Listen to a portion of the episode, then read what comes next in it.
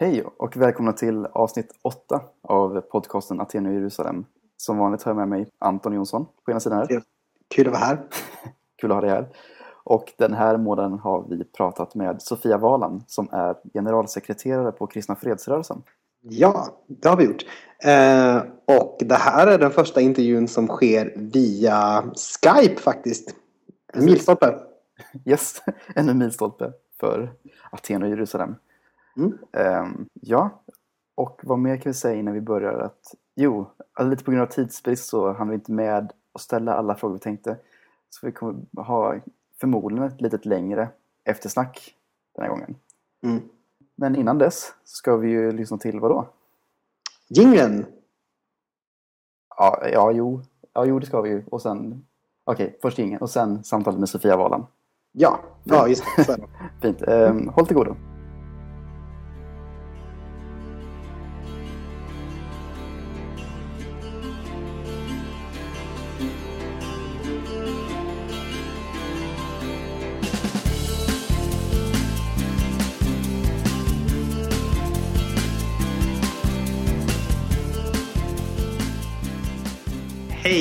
Sofia Valan! Eh, roligt att du kunde vara med, eller att du kan vara med. Ja, tack! Det känns väldigt roligt och lite läskigt att vara med, men eh, roligt framför allt. Ja. Nej, det, vi är väldigt, eh, väldigt eh, oläskiga, tror jag, som personer. så eh, Det borde inte vara några problem. ja. Men vem är du egentligen, Sofia? Ja, vem är jag? Vilken ände ska man börja? Ehm, jag är en snart 39-årig eh, generalsekreterare för Kristna Fredsrörelsen. Ehm, jag är också mamma, väldigt viktigt. Mm. Två döttrar som är 10 och 7. Ehm, och jag är en person och har varit väldigt, väldigt länge från att jag var barn en person som går igång väldigt mycket på det som jag tycker är orättvist. Eh, jag, är liksom, jag blir arg. Jag hade en klok konfirmationslärare som såg det där i mig och sa att det här är någonting som är, som är bra. Eh, att du har en helig vrede för orättvisor. Men vad du än gör med den, sitt inte framför tvn och gråt med resten av ditt liv. Utan omvandla den till helig vrede och gör någonting med ditt liv. Det var stora ord när man var 14 år, att bli tagen på allvar så. Mm. Men det har också format mig och vad jag har valt att göra med mitt liv. Um, och jag går igång på orättvisor på många olika plan. Det kan handla om flyktingar som inte får sina rättigheter tillgodosedda. Personer som, har fötts, som inte har fötts i Sverige och därför diskrimineras på arbetsmarknaden, inte får jobb. Det kan handla om att flickor har ofta mycket bättre betyg i skolan men får sämre lön hela sitt arbetsliv och dessutom sämre möjligheter att göra karriär och kombinera familj och jobb och så. Eh, men mest är jag väldigt tacksam för att jag i mitt jobb på Kristna Fredsrörelsen får jobba med det som är liksom en passion. Det är inte bara en ilska, det är en passion och det är liksom människor och lokala fredsrörelser som varje dag på massa olika sätt utmanar orättvisor och som arbetar för fred och rättvisa och för förändring i väldigt svåra, svåra, svåra situationer. Um, och att få vara del av det och, och, stärka det på olika sätt är väldigt mycket en glädje och en passion, inte bara en, en ilska. Mm. Uh, men annars, jag, jag är också en person som går igång på andra saker i mitt privatliv. Till exempel ja, men mina barn, deras intressen och deras vänner. Politik, teologi mm. tycker jag man pratar om. Sen maratonlöpning är liksom min stora passion. Uh, ja böcker och teater också. Och sen mina väldigt, jag har väldigt, väldigt många fina, smarta och roliga vänner och de gillar jag att vara med. Just det. Ja, man får ju verkligen intrycket av att du är en, en lätt fanatisk löpare när man googlar ditt namn lite så. ja men så, det är faktiskt så. Eh, för att för mig är löpning mycket mer än bara ett fritidsintresse. Eh, jag, I löpning så lär jag mig att leva, vara en bättre person faktiskt långdistanslöpning är ju liksom en aktivitet som väldigt till viss del handlar om det fysiska men som väldigt mycket handlar om menta det mentala. Eh, och att den viktigaste delen av att springa ett maratonlopp handlar om hur man gör det med sitt huvud. Mm. Det betyder att man måste känna sig själv ganska väl. Man måste veta vad man behöver för att hantera motgångar, trötthet, smärta. Och vad man, hur man då ska möta det.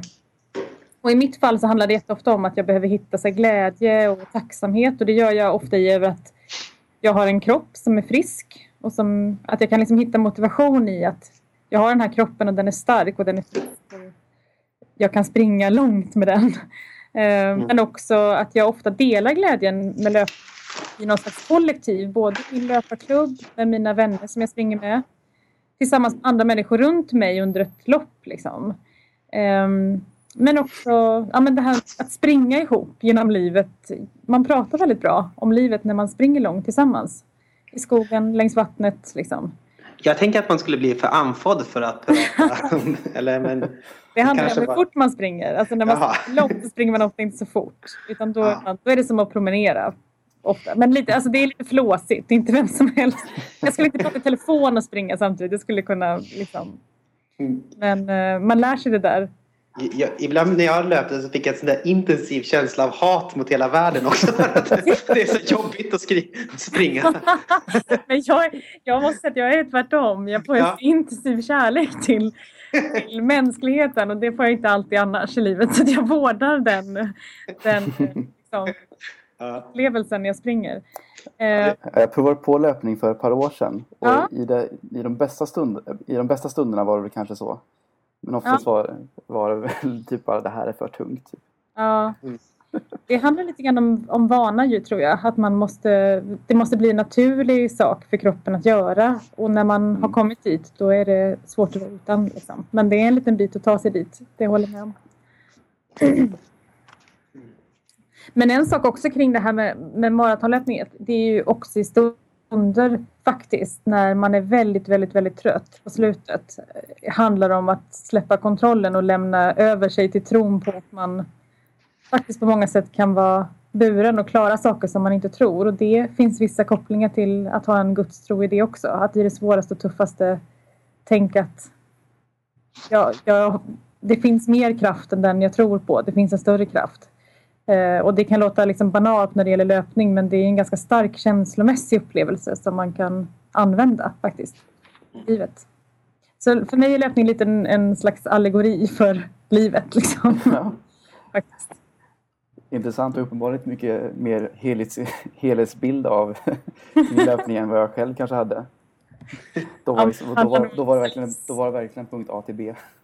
Men jag tror att det handlar om livspassioner. Om man har den så hittar man saker att relatera till livet på många andra sätt i den aktiviteten eller den liksom, intresset. Mm. Yes. yes. Gott så. Mm. Men jag är lite nyfiken på eh, vad är den kristna fredsrörelsen för någonting? Mm. Alltså den organisation eller den rörelse som jag då har glädjen och förmånen att få leda heter ju Kristna fredsrörelsen. Mm. Eh, och det är ett namn som säger någonting viktigt om vår historia. Eh, för vi har starka rötter i liksom, den ekumeniska rörelsen. Ehm, men en viktig sak, och det här pratar jag ganska ofta om, att kristna fredsrörelsen bildades i samband med första världskriget delvis som en reaktion på att man tyckte att kyrkan i Sverige och kyrkorna i världen inte var tillräckligt radikala i sitt avståndstagande från kriget och våldet och Eh, Eh, så att man kan säga att kristna fredsrörelsen har varit och på vissa sätt fortfarande är, men inte lika mycket, en slags motståndsrörelse också mot kyrkan. Mm. Därför att man menar att man inte tar liksom Jesu eh, budskap om det radikala icke-våld och avståndstagande från våld på allvar och vill liksom vill driva den frågan också inom kyrkorna. Så det är liksom en viktig del av vår historia som jag tänker att man kanske ska känna igen eller känna till. Mm. Vårt namn säger också någonting om vilka vi är idag därför att den kristna tron är väldigt viktig drivkraft för liksom väldigt många av våra medlemmar. Men vi är inte en kyrka och det finns inget konfessionskrav för att vara medlem i Kristna fredsrörelsen eller för att arbeta för oss. Mm. Eh, och det betyder att vi är en ganska blandad skara idag. Eh, där ganska många har sökt sig till oss för att de gillar vårt sätt att tänka kring fredsarbete och liksom det strategiska och ideologiska icke-våldet som metod för förändring. Eh, många har kommit för att de har sökt till fredsobservatörer som jag ska berätta lite mer om sen. Mm. Um, och har inte en kristen tro eller har en annan religiös tro. Och våran, vi är också del av en internationell gren som kallas IFOR, International Fellowship of Reconciliation. Och det är faktiskt inte en, en kristen utan det är en religiös sammanslutning med eh, många, många olika religioner som vill arbeta för fred. Mm. Så det är lite av våran liksom... Det är en del av vilka vi är. Så att det här namnet betyder kanske inte att vi är den kristna fredsrörelsen. Eh, utan att vi är liksom en, en rörelse där kristen tro är en viktig drivkraft och en del av vår historia. Men det, det, ska också få finnas plats för andra drivkrafter. Och det här är en utmaning, balansgång, men det är också en jättestor gåva på många sätt.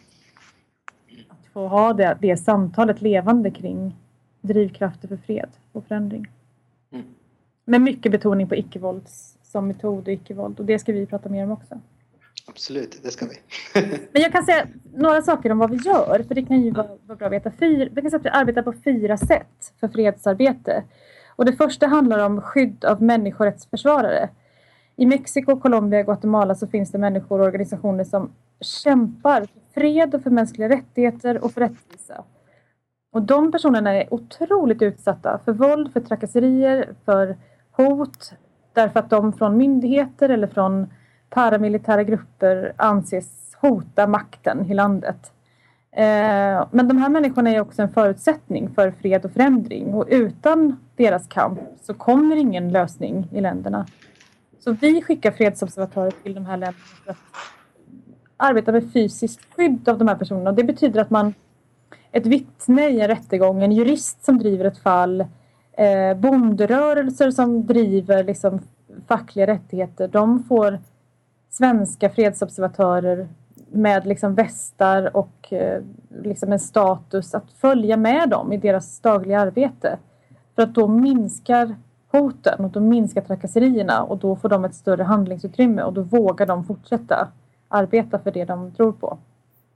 Eh, och det är ungefär 20 personer per år som vi skickar ut på sådana uppdrag. Eh, och den andra sättet att jobba på med liksom fredsarbete det är stöd till icke-våldsrörelser och fredsorganisationer lokalt och då handlar det om att man ger i det här första fallet så är det ju liksom det människor som medföljer som går vid sidan av liksom, eh, människorättsaktivister och, och hjältar. I det här andra fallet så handlar det om att vi ger ekonomiskt stöd till organisationer som jobbar med de här frågorna som behöver det. Eller utbildning, eh, organisationsutbildning men i väldigt många fall för oss handlar det om utbildning i icke-våld. Eh, hur kan man skapa fredlig samhällsförändring i svåra, svåra kontexter utan att använda våld? Hur kan man, hur kan man arbeta fredligt för förändring? Mm. Eh, och det är framförallt i Sydsudan, i Colombia och Västsahara där vi jobbar med de, sådana organisationer. Och det tredje handlar om nedrustning. Därför att tillgång och spridning av vapen är en huvudfråga och en kärnfråga för kristna fredsrörelsen. Att vapentillgången vet vi, all forskning, alla exempel visar att här, tillgång på vapen i en konflikt, det förvärrar alla konflikter och förlänger dem och gör dem jättemycket svårare att lösa. Och samtidigt så lägger världen nästan tio gånger mer pengar på rustning och militär som på fredsarbete eller fattigdomsbekämpning och det är helt absurt faktiskt. Ehm, så när vi pratar om så här, ja men det funkar ju ändå inte med era metoder. Då kan man ju fråga sig hur mycket vi har försökt. Hur mycket, om hela logiken alltid handlar om att det är vapen som ska lösa eh, världens konflikter. Om vi aldrig någonsin testar någonting annat på allvar, då vet vi faktiskt inte det. Eh, och så, så ser jag och så ser den här rörelsen historien ganska mycket. Vi lägger tio gånger mer pengar på rustning och militär som på fredsarbete och fattigdomsbekämpning. Kom inte att säga att vi har försökt med någonting annat, för det har vi inte. Och den här frågan är jättecentral för oss. Så att därför så fortsätter vi att arbeta för att stoppa eller i alla fall på kort sikt minska den svenska vapenexporten som ju är enormt stor. Vi har legat som topp tre i världen som vapenexportörer per capita de senaste åren. Eh, och det vet inte alla svenskar. Man tänker att Sverige är så himla bra på fredsarbete i världen men att vi faktiskt beväpnar flera av världens fattigaste länder eller diktaturer är det inte lika många som är medvetna om. Eh, men vi driver också på för internationella avtal som ska begränsa och reglera vapenhandel. Och det viktigaste kanske som vi gör tycker jag är att vi stödjer lokala partners i Latinamerika som på olika sätt arbetar mot väpnat våld i sina länder. Att minska tillgången på vapen därför att i jättemånga länder som, där det faktiskt inte formellt är krig längre så dör det väldigt många fler människor av väpnat våld eh, nu än under kriget och det har att göra med att det finns så mycket vapen och att den inte är kontrollerad. Eh, och det fjärde, men kanske så här, inte alls eh, oviktigaste sättet som vi jobbar med fredsarbete är att vi också gör det i Sverige. Eh, vi utbildar människor i Sverige i icke-våld och civilkurage. Eh, hur man kan möta det man tycker är orättvisor i Sverige. Eh, som kan handla om diskriminering eller fördomar, eh, rasism, vardagsrasism på olika sätt. Eh, och vi har flera kurser, kurser i icke-våld, kurser i kreativ aktivism eh, och religionsmöte. Ett samarbete som vi har haft med Svenska muslimer för fred och rättvisa.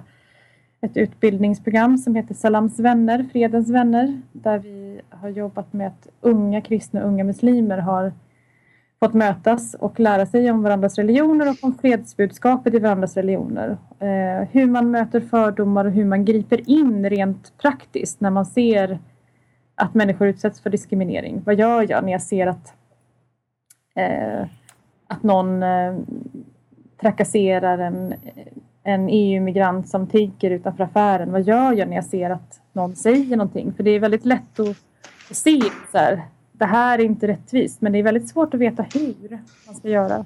Mm. Och faktiskt så behöver man träna sig i att agera. Det gör man på de här utbildningarna, alla de här utbildningarna.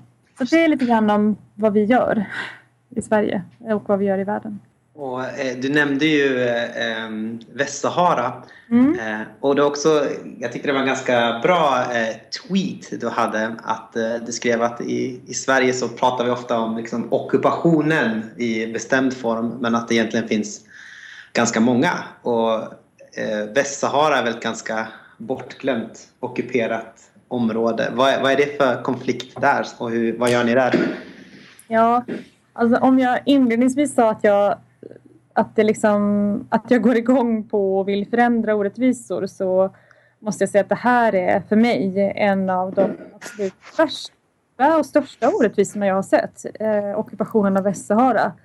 Eh, inte bara för att det för det västsahariska folket är en djup, djup orättvisa utan därför att det också är en på många sätt bortglömd och ouppmärksammad orättvisa. Och det märks som sagt inte minst i det här när vi pratar om ockupationer att vi så eh, självklart tänker att det handlar om Palestina medan det finns faktiskt flera. Eh, så att jag, jag vill alltid lyfta Västsahara. Mm. Och som konsekvens av att det här är en så bortglömd situation och bortglömd konflikt så har vi nästan 100 000 människor som idag lever som flyktingar mitt i öknen i Algeriet och de har levt där i snart 40 år. Eh, och det finns ingen säker tillgång på matleverans till dem eller rimlig levnadsstandard. Eh, och de är nästan helt osynliga för världens liksom, mediala eller faktiskt också så här, medlingsförsök, politiska lösningsförsök. De är liksom osynliga för, för världens strålkastare. Um, och precis som de personer som, som... Det finns ett antal människor som lever både i öknen som flyktingar och ett stort antal människor som lever i Västsahara på ockuperat territorium. Och de lever under väldigt, väldigt svåra förhållanden båda. Eh, där liksom de personerna i Västsahara eh, de, de har inga rättigheter, deras rättigheter kränks ständigt. De förföljs, trakasseras och utsätts för tvångsförsvinnanden när de försöker höja sig röst mot orättvisan. Och för de som inte känner till den här konflikten så är det så att Västsahara är till två tredjedelar ockuperat av Marocko eh, sedan 1975. Och det trots att FN har beslutat att det här är då inte förenligt med internationell rätt och att alla länder ska avkolonialiseras. Ehm, men på grund av att Marocko då som ockuperar Västsahara har allierade i Frankrike och USA som sitter i FNs säkerhetsråd så drivs inte den här frågan framåt utan den liksom bromsas och tystas där. Ehm, och Västsahara är en region som är extremt rik på naturtillgångar fiskebestånden utanför Västsaharas kust är liksom extremt attraktiva. Eh, det finns fosfatutvinning. Troligen finns det ganska mycket olja och gas också. Så det finns flera företag, inte minst franska, som nu både provborrar och är intresserade av att provborra på västsaharisk mark. Och det här är också det främsta skälet bakom Marockos ovilja att hitta en politisk lösning för Västsahara. Eh, och det fanns en väpnad kamp men det har varit eh, vapenstillestånd under ganska många år därför att eh, man har ändå hoppats från det västsahariska folkets sida att det ska gå att nå en lösning eh, på situationen med andra medel än med våldsmedel. Men idag finns det en enorm frustration både i Västsahara och i flyktinglägren där en ung ny generation växer upp och säger det här går inte, vi måste ta till våld.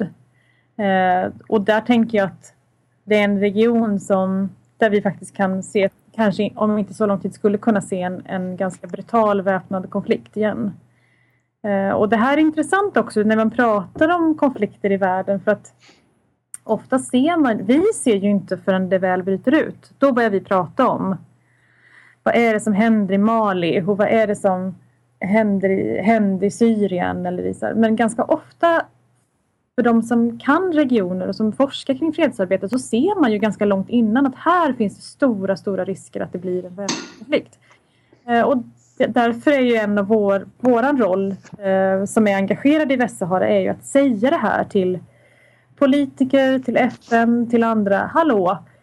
Snart kan vi se en ganska blodig väpnad konflikt i den här regionen eh, som kan ha långtgående konsekvenser. Därför måste omvärlden agera nu. Därför måste man börja prata om inom FN hur kan man hitta en, en bättre lösning för, för Västsahara? För det här bryter mot internationell rätt. Hur kan vi liksom starta andra samtal? Hur kan vi eh, försöka stötta liksom en fredlig lösning i, i regionen? Eh, så att igen, när man säger att man har prövat andra saker och måste man inte använda militära lösningar. Så, det, ja, det, jag, vill in, jag vill inte säga att det aldrig, aldrig någonsin kan vara, vara så att man behöver göra det. Men det jag vill säga är att vi provar aldrig ens någonting annat. Eh, för vi blundar och blundar tills det är för sent. Vi provar i väldigt liten utsträckning att titta på förebyggande av väpnade konflikter eller eh, lägga mycket pengar och resurser på att hantera de konflikterna vi ser i världen. Däremot så går vi in militärt när det blir när det är ett faktum. Och det är både dyrt och ineffektivt. Men, på ett sätt så, så är det också det enda sättet kanske att få uppmärksamhet för konflikten för västsaharier att ta till ja. vapen på ett sätt så finns det egentligen något annat sätt att, att arbeta för det här för att eh, det ska bli avkolonialiserat? Alltså vi tänker att det borde och att vi, att vi ser att det finns andra sätt men de kräver ju eh, lite samarbetsvilja tänkte jag säga, inte minst från FN därför att FN har en, en eh, FN har ett mandat i Västsahara och har eh, en trupp där som heter Minurso Eh, Eh, men det här är den enda fredsmissionen i hela världen som FN driver som inte har rätt att bevaka och, eh, och rapportera om brott mot mänskliga rättigheter. Eh, och det är intressant för det får man göra på alla andra ställen där du sätter en FN-mission så är en viktig del av deras uppdrag att säga här ser vi övergrepp mot mänskliga rättigheter. Men i Västsahara får de inte det och det handlar om storpolitik. Det handlar om Frankrike, det handlar om USA, det handlar om Marocko, det handlar om stora naturtillgångar.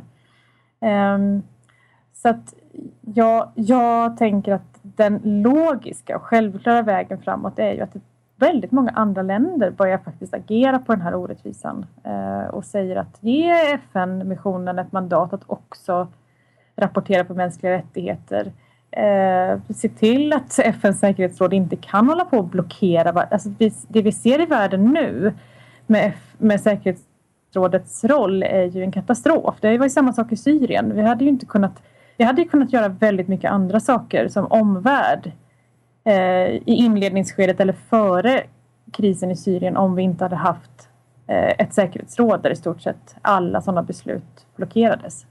Mm. Ehm, men för det västsahariska folket är det ju en jättetuff situation och de hoppas ju på omvärlden. De hoppas på Sverige. Därför att vi har nu en regering som sa när man gick till val att man ville arbeta för en förändring i Västsahara. Ett erkännande, vi har ett riksdagsbeslut på ett erkännande av Västsahara. Eh, där man då tror att det ska kunna hjälpa situationen med ökade påtryckningar i den här frågan. Eh, vi ger stöd till, vi utbildar unga människor i flyktinglägren kring hur icke-våld kan vara en väg framåt och inte bara våldsanvändning. Och det finns ett gensvar på det. Det är liksom det, det vi... Vi jobbar politiskt på flera nivåer för att få uppmärksamma Västsahara-frågan och vi jobbar konkret på marken med eh, både stöd och utbildning för de som finns där för att försöka upprätthålla tron på att det går att förändra utan våldsanvändning. Jag funderar Simon om vi ska hoppa ner till eh, eh sektion två. Ja, Vad tror du? Ja. låt oss göra det. Mm. Ja. Och Sofia också förresten. Mm. Häng gärna med. Prata om Jesus och Gandhi och... Ja, precis. Ja. Eh, man, man, eh, man skulle väl eh, lite så här förenklat kanske kunna säga att det finns två huvudinriktningar när det kommer till kristet icke-våld och hur det ska användas och vilka motivationer man har mm. bakom det. Det finns ju en del, ett lite mer kanske pragmatiskt resonerande som säger att icke-våld är det effektiva sättet att liksom bekämpa eh, orättvisa och, och, och våld och sånt där. Att Jesus är på något sätt en förebild i det, att han eh, att det är det liksom undervisningen han ger i, i bergspredikan och så. Mm. Och så finns det de som kanske menar att icke-våld, eh, ja ibland så kanske det fungerar och fungerar bra. Men ibland så kan det också ge oönskade eh, resultat. Att det till och med kanske kan öka våldet och så. Men att det är liksom det trovärdiga sättet att följa Jesus eftersom han också eh, gick till korset. Eh, så vilket alternativ tror du att kristna fredsrörelsen skulle luta mest åt? Mm. ja, ehm, det är jättespännande det här tycker jag. Vi hade en, ett samtal här i höstas om pacifism. Eh, och det här berör ju samma saker. Alltså att man tittar på Ehm, ja, men vi pratar om kristet icke-våld men jag tänker att man kan också, den här uppdelningen finns ju kring så icke-våldsstrategier. Alltså man kan, det är samma sak, det pragmatiska icke-våldet och det kanske mer ideologiska icke-våldet som kan vara kristet men som kan handla om eh, andra övertygelser också som gör att man... Det finns ett liksom, eh, muslimskt icke-våld. Eh, Malala är ju, liksom, står ju väldigt starkt i den så muslimska traditionen av icke-våld. Ehm, och så att jag menar, det, den indelningen finns även om man inte är kristen, att man liksom tänker att det finns en, en principiell och en ideologisk övertygelse eh, som gör att man anser att det här är den enda rätta vägen. Och sen finns det de som kanske företräds ganska mycket av, jag vet inte om ni känner till, men det finns en forskare som har fått eh, flera priser som heter Gene Sharp som eh, har forskat kring icke-våld som är väldigt inne på det strategiska icke-våldet. Och hans studier och böcker användes jättemycket under den arabiska våren i Mellanöstern. Eh, där det egentligen finns, det är egentligen en handbok i icke-våld. Hur förändrar man? Hur tar man makten i länder eh, med icke-våld? Och det är ju den andra skolan. Det är ju den väldigt, väldigt liksom pragmatiska. Eh, använd icke-våld inte för att du är kristen och har Jesus har sagt det. Använd icke-våld inte för att du inte vill använda våld utan använd det för att det är det mest effektiva sättet att nå förändring. Um, och jag skulle säga att kristna fredsrörelsen står ganska stadigt i den här ideologiska övertygelsen om icke-våld. Um, där den kristna tron för de flesta är, är liksom drivkraften. Men att det kanske finns en del som i vår rörelse också som säger att så här, Ja, men jag är här och jag tycker att det ni gör är bra för att det är mest effektivt. Liksom. Mm. Eh, men jag tror att det här är en... Jag, jag, tycker att det här är en intressant diskussion och jag önskar att den ska växa också på liksom, forskningsområdet. Därför att hur, spelade det roll när vi tittar, jag, tycker, jag önskar att man skulle forska mer på den arabiska våren och se till exempel eh, spelade det roll att väldigt mycket av det icke-våldet som användes inte var förankrat ideologiskt. Eh, gör det att grupper använder icke-våld så länge man upplever att det är mer effektivt. Men när man inte upplever att det är mer effektivt så, så övergår man till att använda våld. Och vad händer då? Eh, eller eh, det betyder också att människor kan använda icke-våld för att störta en diktatur eller vad man upplever som en, en liksom, eh, orättfärdigt styre för att skapa ett nytt orättfärdigt styre och förtrycka andra. Mm. Eh, så att jag, jag, Christian Fredriksson står ganska stadigt i sin liksom, tanke kring icke-våld som både medel och mål och det betyder att när man väl... Och det är också en del av liksom Guds rike-tanken att eh, målet är ju inte maktövertagande som sig utan målet är ju liksom en annan värld, en rättvis värld i jämvikt med liksom eh, respekt för människor och Guds skapelse. Eh, jag vet inte om det är svar på din fråga. Men, ja. Ja, men, men det är spännande att de här ja. två finns. Och jag skulle nog ändå säga att jag tycker att det är intressant och jätteviktigt att det här pragmatiska icke-våldet har fått så mycket större uppmärksamhet. Gene Sharp har fått eh, alternativa Nobelpriset. Eh, hans forskningsinstitut eh, får jättemycket uppdrag och han har blivit känd. Liksom. Icke-våld liksom har fått... Jag tror att det är viktigt för icke-våldet att inte bara bli sett som det här lite flummiga Eh, ja, men ni, Hippie-alternativet? Ja, ni som flummar och inte vill döda någon. Liksom, utan att det är så här, ja, men, ja, men förstår ni? Så här, utan att det också är så här, ja fast det är faktiskt smart. Det är faktiskt effektivt. Det, eh, Eh, Gandhi fick liksom, jagade ut britterna med, liksom, inte för att han var en gullig gubbe liksom, i, i hemvävda kläder utan för att han använde väldigt strategiska metoder. Och samma sak med Martin Luther King. Eh, förut pratade jag för, förut om det här jag blir lite frustrerad på att till exempel Martin Luther King ofta liksom lyfts som, ja men han var en sån fantastisk person, en sån talare, en sån så här. Han var ju, han var ju det, men han var ju en del av en rörelse av väldigt många personer eh, som var extremt genomtänkta i hur de ville uppnå förändring i USA. Eh, extremt effektiva, eh, pragmatiska eh, valde sina frågor. Ja, det här är också en orättvisa men det ska vi inte ta nu för nu ska vi ta det här. Mm. Och som tränade. Alltså de här rummen som väldigt många av medborgarrättsrörelser de, stod, de övade sig i att kalla varandra saker, att utsätta varandra för förnedring för att de visste att så här, man måste träna icke-våld. Precis som man tränar som soldater och, och andra an, tränar våldsanvändning så måste vi träna icke-våldsanvändning för att i rätt situation agera på rätt sätt. Så att jag är liksom glad att den här... Jag, jag känner att det är jätteviktigt för mig att frågan om det strategiska och effektiva icke-våldet också lyfts upp. Men jag tror inte att man kan ha bara det. Jag tror att det kan bli farligt i längden. Mm. Man kanske måste ha det som medborgarrättsrörelsen hade och Martin Luther King. Och delvis Gandhi också. Liksom en, en vision om eh, vad som ska komma sen. Och, och, eh, Simon, du kanske vill ta Gandhi-frågan förresten? ja, jag får se ja. vi, vi hinner, eh, om vi hinner det. För ja, du har ett pressat schema. Men, eh, ja, ja den, den, den, kanske vi hinner då om vi är effektiva. Okej, okay. ja. jag läser upp här och tar upp det här. Ja. Eh, okay, men Gandhi tas nästan upp i varje nummer av Fredsnytt och är viktigt mm. i den här antologin Jesus och icke-våld. Mm. Är inte det lite missvisande? För de flesta kristna pacifister i historien har det här med martyrskap, att bära korset, eh, varit liksom väldigt betydligt vanligare än att lyckas uppnå sina politiska mål just. Ehm, riskerar inte då icke-våld att bli, effektiviseras om Gandhi hela tiden är eh, referenspunkten?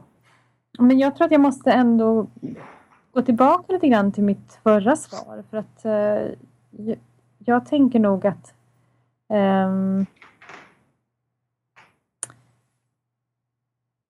att, Gan, att det är Gandhi, men där kan man också prata om Martin Luther King till exempel som, som liksom där, um, där, alltså där jag ser det som att att vara fast förankrad i en ideologi eller en kristen tro eh, där man har ett väldigt tydligt mål eh, och där liksom i politisk förändring, det, det är för mig också att åstadkomma Guds rike här på jorden. Det är ju en slags politisk förändring. Sen kallar vi det olika saker. Eh, och Gandhi var hindu men eh, hade ett, ett sätt att se på religioner och liksom, som är väldigt inspirerande för väldigt många i kristna fredsrörelsen. Um, här, nu känner jag att jag flummar lite här i mitt svar men, men att jag egentligen vill backa till och tänka att eh, martyrskapet som sådant är, är, faktiskt, inte, det är faktiskt inte det som vi omfamnar. Eh, värdet i martyrskapet som sådant utan att vi står mycket starkare i en tradition av, av ja, men samhällsförändring och vi, tolk, vi har liksom tolkat eh, evangeliets budskap om Guds rike så eh, som liksom en uppmaning att vi är kallade att, att eh, gestalta Guds rike här och nu och med det krävs samhällsförändring och med det krävs och med det ser vi icke-våld som både mål och medel mm. för det. Och en, en stor öppenhet i kristna fredsrörelsen för att hitta inspiration och samarbete över religionsgränser. Gott så. Ska vi ta standardfrågorna? ja, precis. Ja. Och vinner. Ja. Är det nu jag ska svara på vem är Jesus Kristus? Precis. Ja. Ja. Vem är han? Säg det. Jag vill säga i söndagsskolan. Eh, Ja, det här, jag har faktiskt inte tänkt ut något snajdigt svar här. Eh, och jag har inte heller... Alltså det här, jag brottas med det i mitt liv på väldigt många sätt. Eh, och det landar i väldigt många gånger är väl kanske att så här, för mig är Jesus en sån otrolig förebild i radikalitet och liksom syn på makt eh, och inkludering och rättvisa och orättvisa. En fruktansvärt radikal snubbe som jag ibland tycker också känns jobbigt när, han, när det förminskas till eh, en alltför liksom jag vet, men det här radikaliteten i att utmana orättvisor och maktmissbruk är liksom eh, en enorm inspiration för mig och kärnan till min tro också. Mm. Gott. Kan det få räcka? Absolut. Det, det räcker. Ja, verkligen. eh, och sist, har du några tips på gäster? I podden? Ja, visst. Alltså jag har inte hunnit så... Vad, vad är, är det det här? Är det de här? Är så filosofi, teologi vill ni prata om? Ja, ja precis. Eller, ganska brett kan det vara. det kan vara överhuvudtaget någonting som känns intressant. Får jag, får jag spana fritt nu och inte... Eller är det, kommer det här med i själva podden? Vi kan klippa bort det. Om jag säger så namn och sen bara nej förresten. Ja. ja, men jag, om man tänker så här, religion och konflikter så tycker jag Isak Svensson är jättespännande. Känner ni till honom? Nej, nej det kan jag inte Han är kristen fredsare men han är forskare på freds och konflikt i Uppsala och forskar delvis på icke-våld men nu framförallt på religioner och konflikt. Eh, så han, kommer, han är jättespännande att lyssna på kring blir det fler religiösa konflikter eller inte? Hur liksom... Så jag tycker att han är jättespännande. Eh, sen om man vill prata om religion och filosofi, rent allmänt så har jag en kompis som precis har doktorerat och som har lite artiklar i olika tidningar som jag tycker också han, han, pratar, han kan prata om populärkultur och filosofi och tro och sådär. Eh, Jättespännande person som heter Josef Bengtsson. Ni kan nog googla på honom. Okej. Okay. Skriver upp, skriver upp. Ja. Det, ehm. han, hans namn låter bekant för mig. Jag får kolla upp det. Ja, läst på Örebro Missionsskola för länge sedan. Ja. Eh, men sen um, vill jag egentligen hitta några bra kristna feminister till er också. Men jag ska fundera på det. Jo! Vet ni vem jag tycker är fruktansvärt häftig? Nej. En av mina stora idoler. Syster Madeleine Fredell som är... Ah, just det. Hon vet jag om det. Hon är helt skitcool. För att hon är så radikal feminist och typ 60 år plus i katolska kyrkan. Mm. Väldigt. Eh, de har lite... Hon, de respekterar henne hon tar sin plats. Men hon är inte det är inte alltid gubbarna, katolska gubbarna i Sverige tycker inte alltid det är enkelt att ha en sån kvinna där. Hon är jättehäftig. Mm. Eh, och hon har varit intervjuad och visat tendens på om att vara revolutionär i kyrkan. Eh, så att hon är en fantastisk gäst. Just det. Kanon. Mm? Då får vi tacka så jättemycket ja. för att du tog dig tiden att prata med oss. Vad kul! Det är så jätteroligt att ni är så engagerade och har läst på. Och jag är både så här, ja, jätteinspirerande. Det var kul att du ville ställa upp, verkligen. Ja, det är klart. Stort tack och ha det gott. Ja, tack så jättemycket. Hej, Hej då!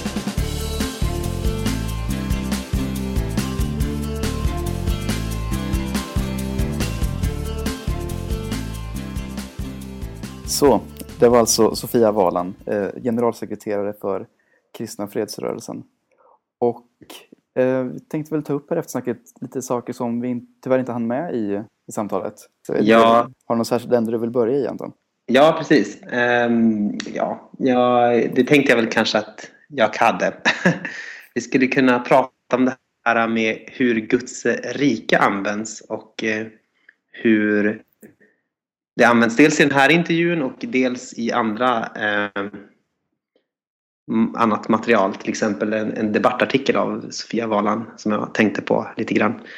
Eh, alltså Guds rike, vad är det för någonting? Man kan lite få intrycket av att det är på ett sätt ett välfärdssamhälle eh, eller ett eh, välfärdssamhälle där det råder eh, frid och, eh, och fred kanske man kan säga. Och det är ju definitivt bra saker. Men frågan är ju om det är samma sak som Guds rike. Mm. Det finns ju en sån här uh, social gospel eh, rörelse i, i USA, eller fanns, som egentligen på många sätt eh, jämställde ett sorts eh, rättvisare, mer eh, socialistiskt USA med, eh, med Guds rike. Jag undrar om det finns ett sorts eko av det här kanske att, eh, att Guds rike blir någonting inomvärldsligt, någonting som man egentligen inte behöver erkänna Jesus som Herre för att eh, se eller för att förstå. Och egentligen någonting som man inte ens behöver uh, ha med Gud i för att det ska kunna bli Guds rike.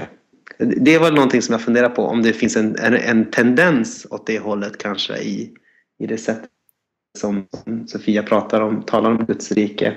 Och det kan jag tänka kan, är kanske lite, eller det kan jag nog tycka är problematiskt för det riskerar ju att på något sätt dels att saker som Guds rike och, och, och Jesus och sånt här egentligen bara blir verktyg för en ideologi som redan är liksom färdigskriven. Typ ett eh, fredligt samhälle eller socialism eller kapitalism eller den amerikanska drömmen eller folkhemmet eller vad som helst. Och så kan man liksom sätta dit de här etiketterna också för att det ska ha en, en, kristen, en kristen klang. typ. Mm.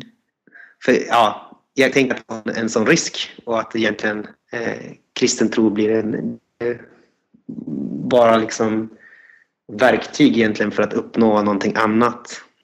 Och kristen tro har ju sitt eget hopp och hoppet är ju väldigt mycket till Gud och att Gud är den som upprättar världen, att Gud arbetar genom oss, att Gud kommer att eh, fullborda sitt rike när inte vi klarar av det. Det finns ett mer eskatologiskt hopp kanske. Ja, det tänkte jag lite grann. Kanske har hoppat i galen tunna. Vi får prata mer med Sofia någon annan gång och eh, kanske andra företrädare för eh, Kristna Freds. Så. Men det här säger jag ju som medlem av Kristna Fredsrörelsen så jag är ju ingen sån här bitter gubbe som står utanför. uh, ja, så det, det, kan jag ändå tänka så här att det är någonting som, vi, som man kanske måste fundera lite kring och, och ha lite mer eh, reflektioner kring. Vad menar vi när vi, när vi säger Guds rike? Och också liksom, vad är motivationen till att eh, det pratar vi lite grann om. Vad är motivationen till det? Är det att Jesus är, är Herre och att han liksom, genom sitt liv och sin döda uppståndelse har visat oss en ny väg? Att det finns uppståndelse efter döden och så. Eh, och därför så kan vi våga leva fredligt i en våldsam värld. Eller är det för att det är... Eller är det egentligen bara ett, ett, ett ideologiskt ställningstagande eller ett... Eh, ja, ett eh, pragmatiskt. Ja, det, det funderar jag också på. Så det var, lite av de det var lite av de kritiska synpunkterna jag hade kanske. Men mm. annars så tycker jag att, Alltså Kristna Freds gör ju väldigt många bra saker, eller gör ju fantastiska saker på det sättet att man lyfter också väldigt många av de här konflikterna som är bortglömda. Till exempel Västsahara-konflikten som är ganska bortglömd och egentligen undanträngd. Mm. Men, men eh, en annan sak som man kan fundera på är ju det här med till exempel Islamiska staten och Al-Shabaab och sånt där. När det är många religiösa aktörer som begår väldigt våldsamma eh, dåd och så. Finns det egentligen något, något hopp? Eller är det utsiktslöst att, att försöka med det här med icke-våldsvägar i, i, i mötet med sådana grupper? Hur tänker du då? Eh, jag vet inte, det är en fråga. Mm. det kan ju vara ganska svårt. Till exempel vår vän Jackie Lull tror jag sa i alla fall att, eh, att eh, Hitlers anda, eller Hitlers ande besegrades aldrig i slutet av andra världskriget på ett sätt utan liksom det här effektiva mördandet och eh, taktiken som, som fanns i, i Tredje riket. Det var på något sätt som, något som levde kvar hos dem som besegrade eh, Tredje riket. Och, och liksom fördes vidare i deras eh, taktik och i ja, men saker som Guantanamo, kriget i Algeriet, eh, ja, name it, på massor med sådana här eh, saker och statskupper i, i, eh, i Latinamerika och kanske sådana här eh, koncentrationsläger på japaner och sånt där. Så jag kan tänka mig att på ett sätt att det är på något sätt någonting som förs vidare också eh, till regioner där, där eh, de här eh, eh makterna har varit eh, aktiva, till exempel USA och Frankrike och sådär. Kanske också har förts vidare på ett sätt till Islamiska staten, även om man inte liksom kan skylla på USA eller sådär. Och då kan man väl tänka att en kristens ansvar på ett sätt också är att besegra den här andan på ett sätt och gå i, en sorts andlig krigsföring kanske man kan säga mot den. Att eh, besegra det onda med det goda. Att på något sätt visa alternativ mot våld och mot eh, förtryck och så. Och kanske också gå in för att det här tankesättet och så ska förändras och brytas. Ja, jag vet inte. Det var ju, nu svamlade jag på mig om det också. Nej, men det är bra. Mm. Uh, är det något mer eller känner vi oss nöjda så? Rätt så nöjda. Rätt så nöjda tycker jag. Ja, men uh, då sätter vi punkt där för den här gången. Och stort tack för att ni fortsätter lyssna. Och uh, ja, vi hörs igen om en månad ungefär. Det gör vi. Fint. Hej då.